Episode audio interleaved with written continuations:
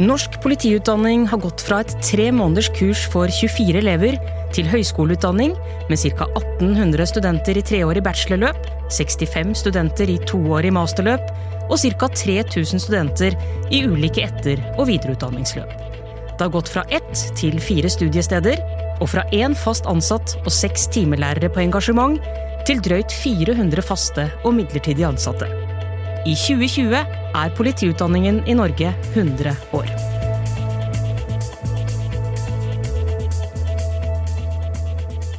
I 2020 fikk Kripos sin første kvinnelige sjef siden oppstarten i 1959. Litt sent, tenker du kanskje, men hvis vi ser på historien, er det kanskje ikke så rart at Den nasjonale enhet for bekjempelse av organisert og annen alvorlig kriminalitet måtte vente i 61 år før en kvinne fikk sitte på toppen. Etter mange lokasjoner flytter Politiskolen i september 1946 inn i nye lokaler i Gardekasernen på Majorstua. Her gjennomføres det nå en seks måneders utdanning med vekt på demokratiske verdier, god dannelse og operative disipliner. I 1951 kommer anbefalingen om utvidelse til ett års aspiranttid, etterfulgt av ti måneder med teoretisk utdanning på Politiskolen. I 1954 blir det anbefalt skjerpede opptakskrav, samt krav om politiutdanning for fast ansettelse. Det kravet blir innført fire år senere, og fra 1958 får eldre tjenestemenn som ikke har gjennomført politiutdanning, tilbud om utdanning på Politiskolen. Viktig er det også nå at elevene rekrutteres fra alle samfunnslag. Og kvinnene skal få sin plass i politiet. I 1959 bestemmer Justis- og politidepartementet at kvinner skal være likestilt med menn i operative politistillinger. Men vi må starte litt tidligere når vi snakker om kvinner og politiutdanning. For den første kvinnelige eleven dukket faktisk opp allerede høsten 1933. I 1928 fikk Gudveig Våle, datter av lensmann, autorisasjon av fylkesmannen til å opptre som fullmektig for sin far i Nore. Høsten 1933 ble hun den første kvinnelige eleven som gjennomførte etterforskningskurset ved Statens politiskole, og i 1935 ble hun ansatt som politibetjent i Bergen. Men dette var på ingen måte starten på et ras av kvinner i politiutdanningen.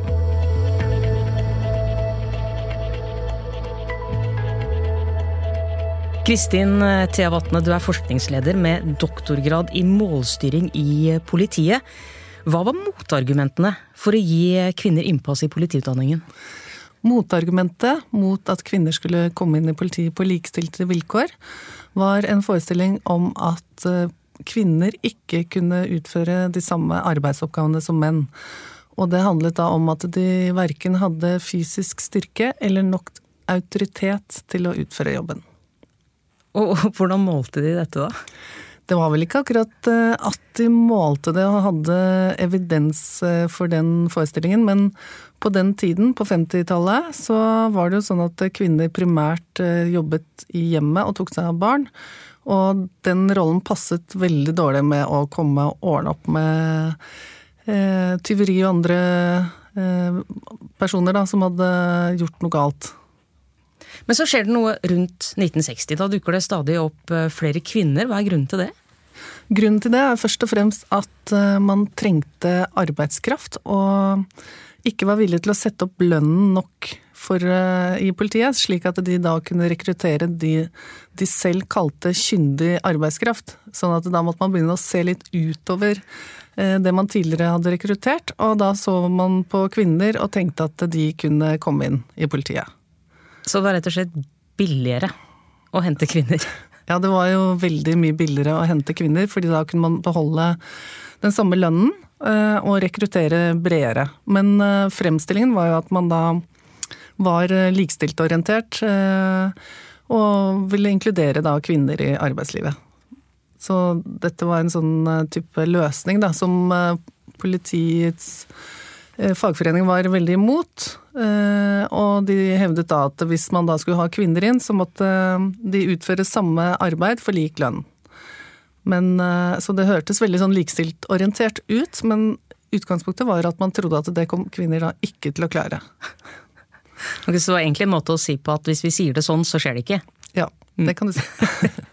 Du har jo snakka med mange av de kvinnene som var blant eh, de første, Kristin. Hvem var de? Ja, eh, jeg har vel snakket med ti stykker. Eh, som da Og de snakket jeg med i 95, var det vel? 1995. Så det er jo en stund siden. Og de var ja, forskjellige kvinner som av ulike årsaker da, hadde ønsket seg inn i politiet. Og mange var veldig orientert mot praktisk arbeid. De hadde lyst til å gjøre ting hvor de kom seg ut og fikk delta i også sånne sportslige aktiviteter. Da. Så det var veldig sånn spreke damer dette her som jeg snakket med. da. Men hva, hva, tror du er grunnen til at de ønsket seg inn? Altså når vi allerede snakker litt om de holdningene som allerede var. Eh, ja. Hvorfor ønsket noen å utsette seg for dette? Ja, de visste vel ikke så mye om de holdningene som fantes i politiet som sådan. Um, og i tillegg så hadde de kanskje da familie som hadde vært eh, politi, eller var politi. Uh, og da de kom inn, så fikk du en annen opplevelse hvor de så at de var da veldig annerledes, eller ble definert som veldig annerledes av veldig mange av de politimennene som var der. Og av den kulturen, vil jeg si. Var de skriftlige tingene. De, var som ble skrevet i bladene. Hvordan man organiserte opplæringen eh, i politiet på skolen. Eh, blant annet så var jo da var det slik at kvinner ikke hadde obligatorisk gymnastikk. Og da kunne jo heller ikke makkeren deres, eller kollegaen deres, som da gjerne var en mann, stole på at eh, den kvinnen kunne ta i tak eller løpe så fort eller hva det var. Så det var mange ting i organiseringen som gjorde at kvinner kom veldig uheldig ut, da. Og i selve politiutdanningen ble de behandla veldig annerledes enn gutta? Egentlig så skulle de bli behandlet likt, men eh, fordi det verken fantes garderober eller toaletter eller noen ting på plass, så var det jo da ikke så lett å kunne delta på samme vilkår. Og de hadde heller ikke våpenlæring, opplæring, selv om de opplevde å, sånn som en intervjuet, å bli kasta inn i en bil og stappa et våpen i hånden. Og hun visste verken foran eller bak på dette våpenet, fortalte hun, men eh, hun satt og klikka og klikka på vei til et ran, var det vel, så vidt jeg husker. Ehm, så veldig mye skjedde mer på tross av eh, at eh, de da ikke hadde opplæring. Men øh, ja. Men, men, det at de ble behandla så annerledes, hva, hva, gjorde det med fellesskapet? Ja, nå var det sånn at øh, disse kvinnene kom inn på en måte i et sånn vakuum. Øh, på den måten at det ikke var mange kvinner der fra før. Eh, i det hele tatt. De som var der, de drev jo da med sedelighetssaker og jobbet mot eh, barn og kvinn, andre kvinner, eh, og da i sivil. Så disse var de første uniformerte kvinnene. Men det vakuumet var ikke egentlig sånn det var et sosialt vakuum på mange måter, men det fantes mange forestillinger om kvinner. Og etter hvert som de tok plass og det ble flere der, så ble det liksom kategorisert litt, da. Ettersom eh, hvordan de fungerte. Fordi de skulle jo da eh, Forventningen var at de skulle gjøre den jobben som menn gjorde.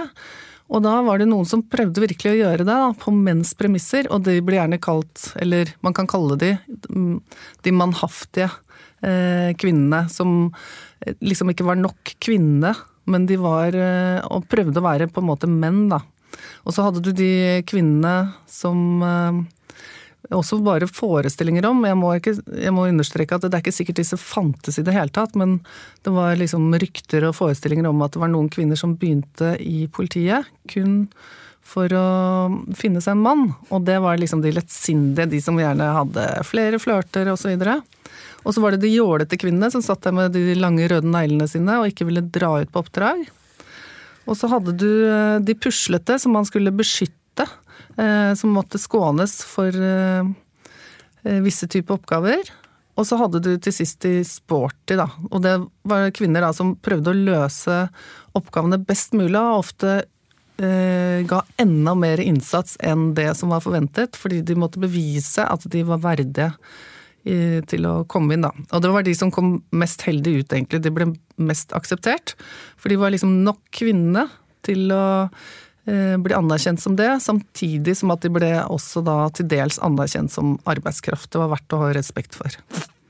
Det, det, jeg må jo si det er ganske opprørende å høre disse kategoriseringene, og kanskje enda mer når vi tenker på at det er jo ikke så lenge siden.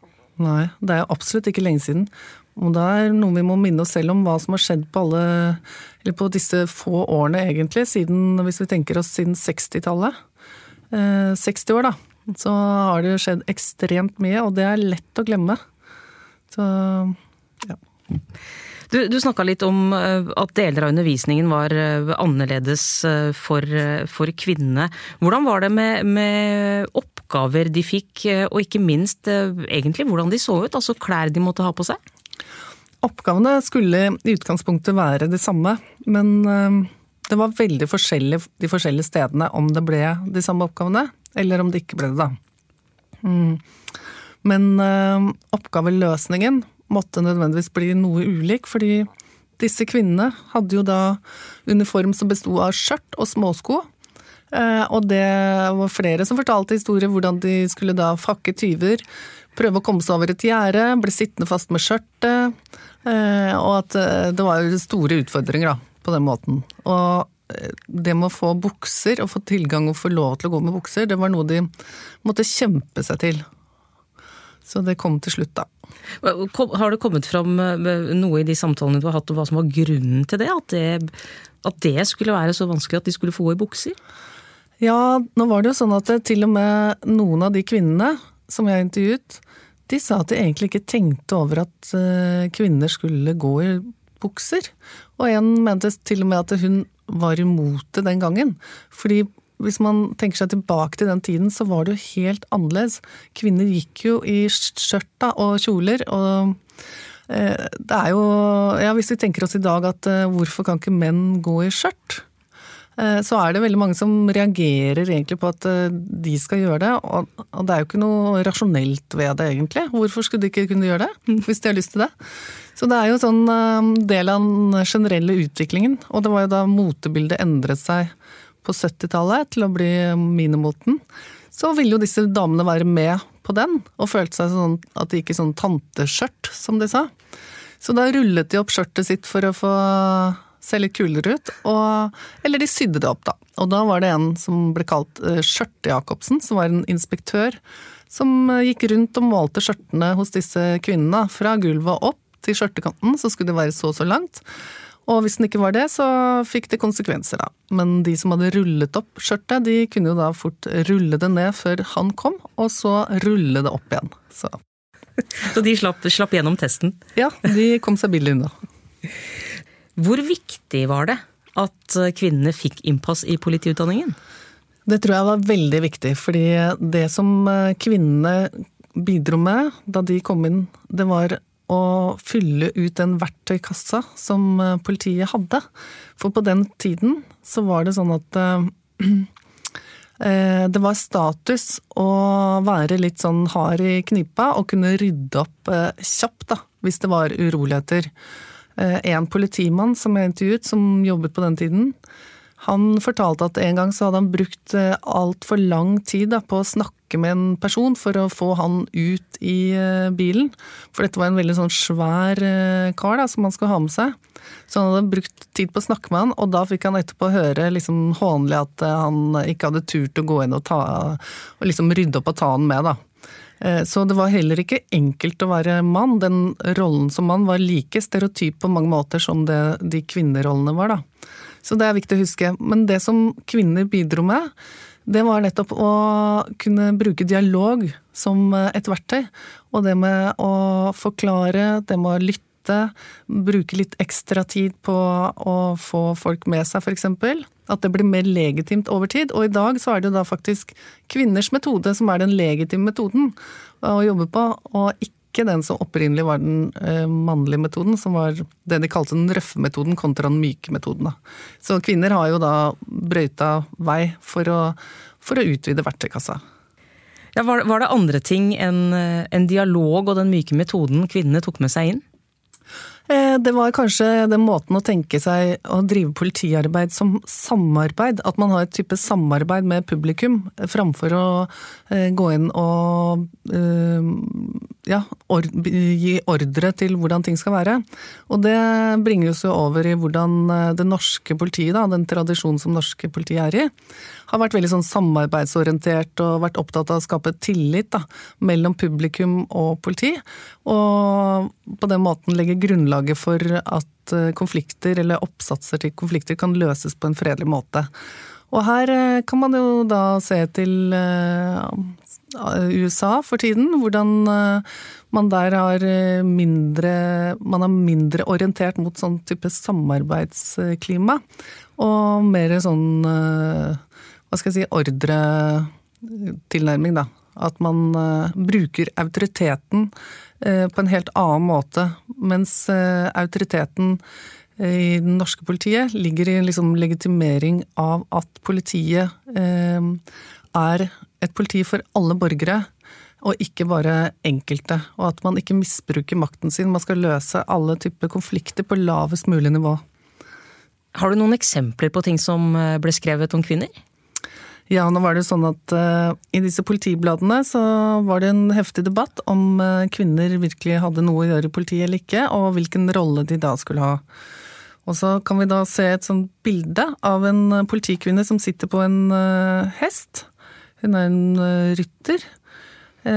Så overskriften er da 'Storbritannias første kvinnelige politikadett på hesteryggen'.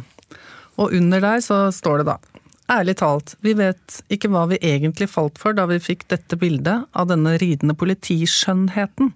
For å si det som det er, så har vi lenge likt pene damer, og enda lenger har vi hatt et godt øye for fine hester. Mer burde vi vel ikke røpe om dette, men vi må si som vår uforbeholdne oppfatning at jenta neppe skjemmer hesten, eller omvendt. Billedbyrået kan fortelle at jenta er 18 år. Parentes, flott alder, settelærlingens anmerkning og hun heter Katrine Evens. Adressen er dessverre ikke oppgitt, for hesten mener vi, men den lyder navnet Pickwick, hvilket straks bringer tanken inn på piknik sammen med Katrine. Og så, etter eh, denne introen her, da, som eh, er to tredjedeler av teksten under bildet, så står det Ellers kan vi i forbifarten sånn rent faglig opplyse at frøken Katrine er Storbritannias første kvinnelige politirytterske, vi skulle sant å si gjerne renonsere på patruljetillegget hvis patruljen kunne skje på svalknappen hos Katrine. Det er, det er, jo nesten så man ikke tror at det er sånt. ja, det er, det er, helt utrolig for oss å lese de innleggene i dag. Fordi det er veldig mange, og det er en massiv eh, debatt og forståelse av at eh, kvinner egentlig burde være hjemme ved kjøkkenbenken, fordi det er tross alt der de liker seg best, og kvinner er laget til å føde barn, og det er det naturlige, og hvis du føler noe annet enn at du har lyst til å gjøre det, så er du ganske unaturlig. Det er liksom egentlig sånn gjennomgående underliggende diskursen i disse innleggene. Mm. Så det er jo helt utrolig for oss å lese. Går det an, Kristin, å se for seg et politi i dag uten kvinner? Eh, ja, det går vel an å se for seg det, men eh, det er jo eh, et veldig sånn skrekkscenario, er det ikke det? Med å tenke seg at man eh, skal ha eh, et politikorps bare av menn. Hvis man tenker seg militæret, så har jo det lenge bestått bare av menn, og nå begynner jo kvinner også å komme inn der. Og det er noe med liksom forståelse av makt og autoritet, om hvordan makten og autoriteten skal gi seg til kjenne og komme til uttrykk? Liksom, er det fysisk makt, eller er det andre måter å få autoritet på enn å uh, gjøre noe fysisk? Det, ja. Mm. Og det er jo sånn at Man har jo også tenkt at man skal ha en bredere rekruttering til politiet, også når det gjelder uh, etnisk bakgrunn. Og der har man, så vidt jeg har forstått, så har man ikke egentlig kommet så langt. Når man ser på Eh, selv om man kan se at eh, ikke alle er helt hvite, så er det mange som er eh, hva skal jeg si, adoptert, eller som er like norske som oss, mm. egentlig. Så da kommer det an på hva man egentlig vil. Hvilke mangfold vil man ha? Oppsummert, eh, Kristin, du har snakka om eh, et eh, politi i dag som har en mykere tilnærming, som fokuserer mer på samarbeid, mer på, på dialog. Kan vi si at det politiet vi har i dag er et direkte resultat av at kvinnene fikk innpass? Ja, det er jo et direkte resultat at kvinnene fikk innpass samtidig med den generelle samfunnsutviklingen. Hvor det var mer fokus på rettssikkerhet og dialog, og hvor man fikk inn mer sånn type humanistiske verdier i samfunnet. Så det vil jeg virkelig si at det verktøyet som kvinner kommer med, mer fokus på dialog, det er eh, I politietaten så er det et direkte resultat. Og da, det ville sannsynligvis ikke skjedd så fort hvis ikke kvinner hadde gått inn og brøyta vei for det. For det tok, skapte også eh, plass for menn til å ta i bruk større grad av det verktøyet som handler om å snakke folk inn i bilen framfor å røske det inn i bilen.